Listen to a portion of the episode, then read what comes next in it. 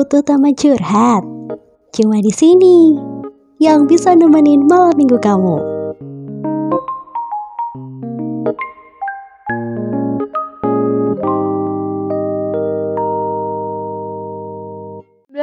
empat UMM FM The Real Campus Radio.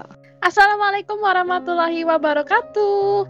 Kembali lagi, eh kembali lagi bener ya, udah teman curhat akhirnya di sesi teman curhat bersama Yusi Tea dan Yusi Citriva. Setelah uh, sekian panjang waktu berlalu, kita nggak itu ya nggak upload upload podcast lagi ya nggak sih sempat liburan juga. Akhirnya yes. ya upload lagi di episode teman curhat. Seneng gak sih? Kamu seneng gak Tea ketemu Oh seneng banget, soalnya ini first time juga ya muncul di podcastnya UMMFM di sesi teman curhat. Yuhu! Oh, tangan dulu kan muda untuk Yusi Tea. Selamat perdana kamu masuk ke podcastnya UMMFM. Oh, thank you Yusi Citriva. BTW, BTW. Jadi kita mau bahas gimana, apa? Gimana? Kita mau bahas apa sebenarnya sih? Oh, kita mau bahas hal-hal yang selama terpendam di lubuk hati yang paling dalam. Aduh, waduh rasanya Jadi, apa nih rasanya? Kasih tahu dong, jangan setengah-setengah. Aku kan penasaran. Um, gimana ya? Rasanya tuh kayak ada sesuatu yang harus dikeluarkan gitu ya? Ya nggak iya, sih? Ya, setiap orang pasti punya unek-unek lah. Kalau dari kamu nih Teh ada nggak sih unek-unek atau mungkin uh, kawan muda ada berbisik-bisik manja unek-uneknya ke kamu? Ayo dong ditumpahkan tehnya. Oh yes, spill the tea. Kalau oh, yes, aku sendiri Hmm, kalau aku sendiri ya, palingan apa namanya, uh, hal yang aku pendam adalah kekhawatiranku tentang akademik sih. Oke, okay, kekhawatiran semua orang ya. Betul, kekhawatiran semua, semua orang. Uh, uh, pastinya Cut juga um, merasa khawatir kan?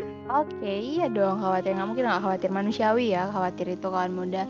Uh, kalau cerita dari kawan muda nih gimana Teh? Ada nggak sih yang berbisik-bisik cerita ke kamu? Ayo dong ceritakan? Oh, ada nih. Namanya namanya Yanto. Oke. Okay. okay, Yanto ini Yanto. cerita. Hmm, Kak Yanto ini cerita uh, dia ini lagi praktikum dan sering banget berantem sama temen kelompoknya. Nah dia tuh minta saran nih, bah, karena gimana sih caranya supaya nggak merasa sakit hati terus karena sering berantem sama teman-teman sekelompoknya. Kenapa ceritanya sangat mirip dengan cerita hidupku ya? Kenapa? um, tidak beda jauh juga sama cerita kehidupanku ya. Ini uh, cerita-cerita umum dari uh, mahasiswa yang lagi praktikum ya dari jurusan apa pun. Kan kita berdua beda jurusan tapi cerita hidupnya sama ya soal praktikum ya. Yes, gak beda jauh kayaknya ya. Meskipun jurusan kita berbeda, um, Kayanto ini pasti juga kayak jurusannya juga berbeda juga dari kita ya. Dan pasti ada ada aja struggle di kelompoknya. Ini kalau menurut apa ya? kalau menurut kamu nih Tea, apa sih yang saran yang mau kamu kasih nih buat Kayanto supaya dia tidak sakit hati terus nih kalau berantem sama teman kelompoknya? Um, kalau aku sendiri ya, karena pernah uh, satu banding dua lah sama pengalamannya Kayanto ini, uh, aku lebih menyarankan untuk um, coba sedikit mengalah. Mengalahnya bukan berarti kita tuh kalah, kalah debat ini uh, cara gimana untuk, nih? Uh, kalau caranya sih ini ca sebagai cara meminimalisir uh, sama diri sendiri. Kita berdamai uh, kita berdamai dulu. Oke oke oke. Mungkin aku pendapatku sama pendapatnya mereka sering selek apa nih? Mungkin aja ada miskom gitu. Kita bisa kok untuk mencoba meminimalisir itu. Asalkan uh, kita uh, coba untuk mencari gitu. Mencari permasalahannya lagi kira-kira apa ya uh, yang benar-benar uh, cocok buat kita bicarakan gitu. Kadang emang ada-ada aja gitu loh permasalahannya. Lebih ke mengalah terus saling evaluasi diri kalau gitu ya. Yes betul. Kalau misalnya cut nih gimana menurut kamu? Kalau menurut aku sih hmm, kayaknya kayak Anthony boleh untuk sedikit bodo amatan gitu ya. Maksudnya nih uh, bukan bodo amatan jadi nggak peduli sama sekali sama kelompoknya. Tapi kan oke. okay. uh, dalam kasus ini kan mereka nih sering berantem nih satu kelompok asik.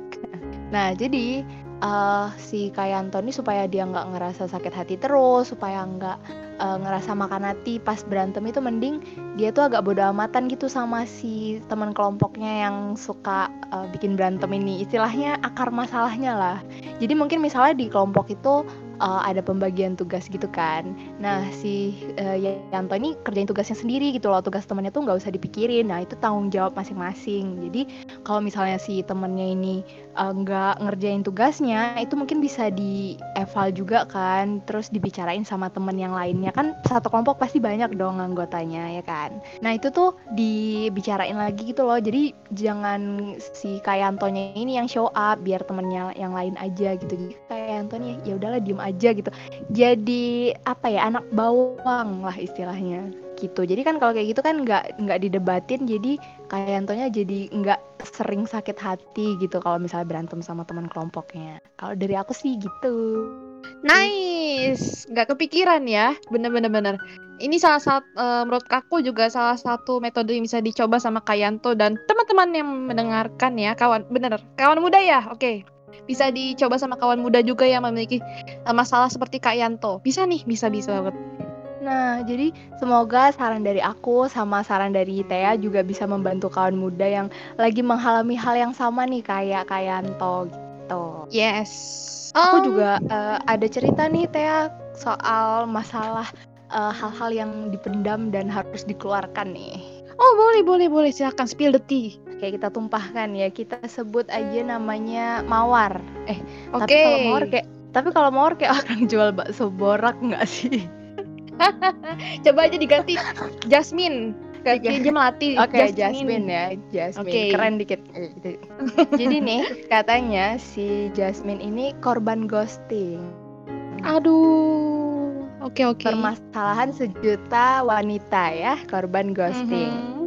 Jadi uh, katanya Kak Jasmine itu dia udah ngerasa capek banget sakit hati terus gitu gara-gara di ghosting mulu gitu kan.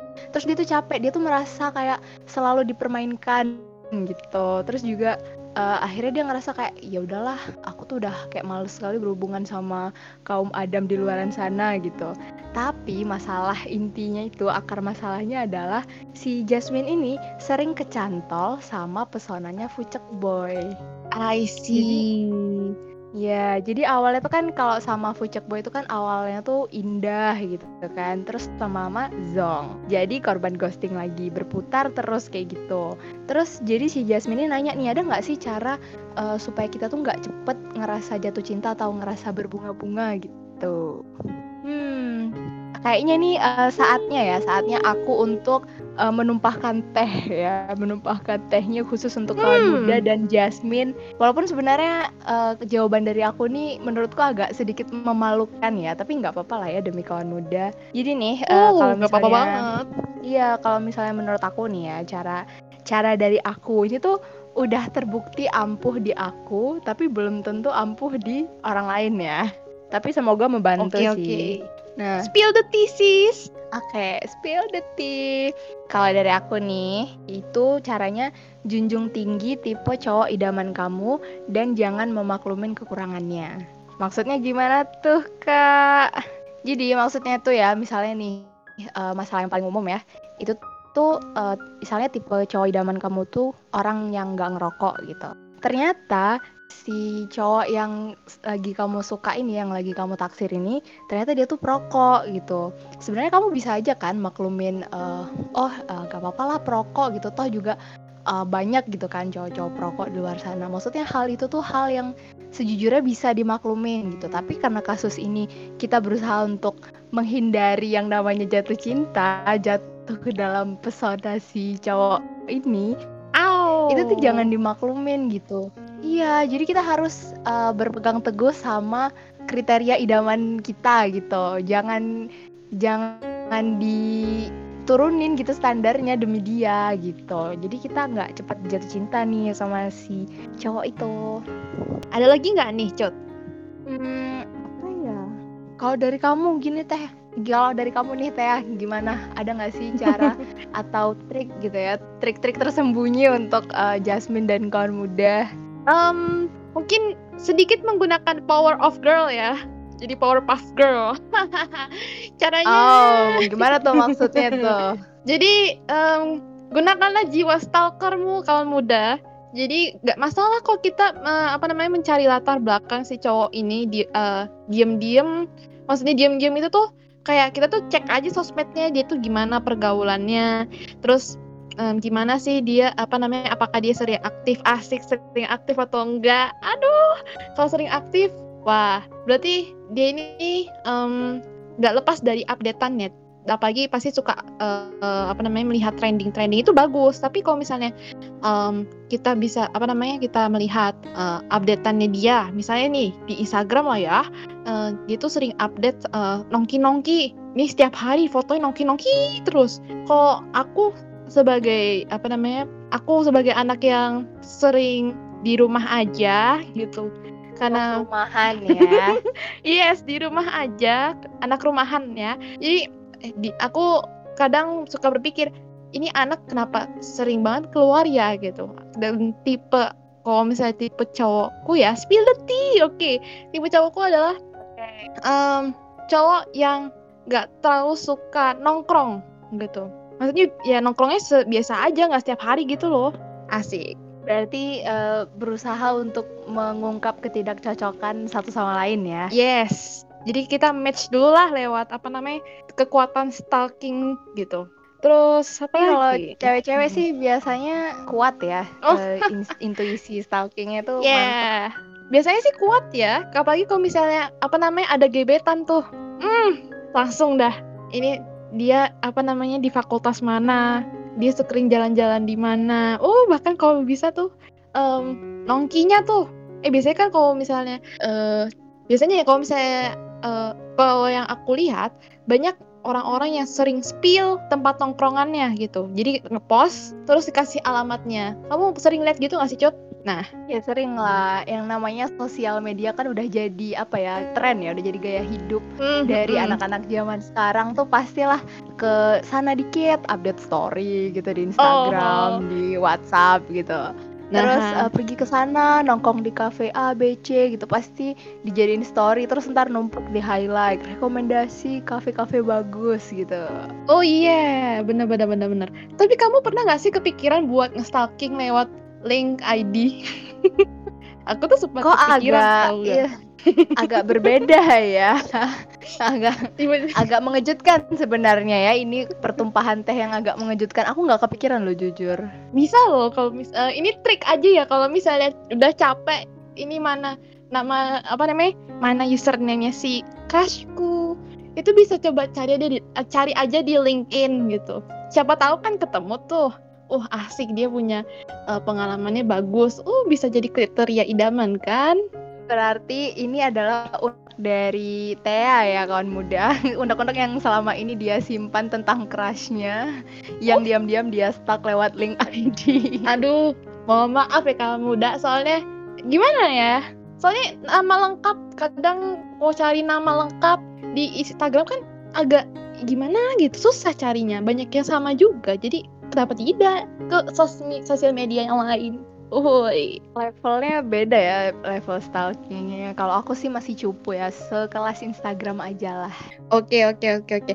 ternyata Yes. eh, lumayan juga ya ungkap unek-unek dari kawan muda nih soal apa sih yang selama ini dia pendam gitu semoga setelah dikeluarkan terus kita bacakan ya di episode kali ini semoga kawan muda tuh menjadi lebih lega gitu kayak separuh beban hidupnya terangkat gitu kan kita jadi senang gitu membantu yes, kawan yes, muda yes. untuk melepas bebannya nggak sih Betul betul betul. Tapi kayaknya em, sesi kita untuk teman curhat episode ini harus segera berakhir ya, Cut, karena aduh, durasi, Bro, durasi. Iya, sebenarnya banyak nggak sih unek-unek yang mau dikeluarin, tapi mohon maaf kawan muda ini kita terpisah oleh durasi.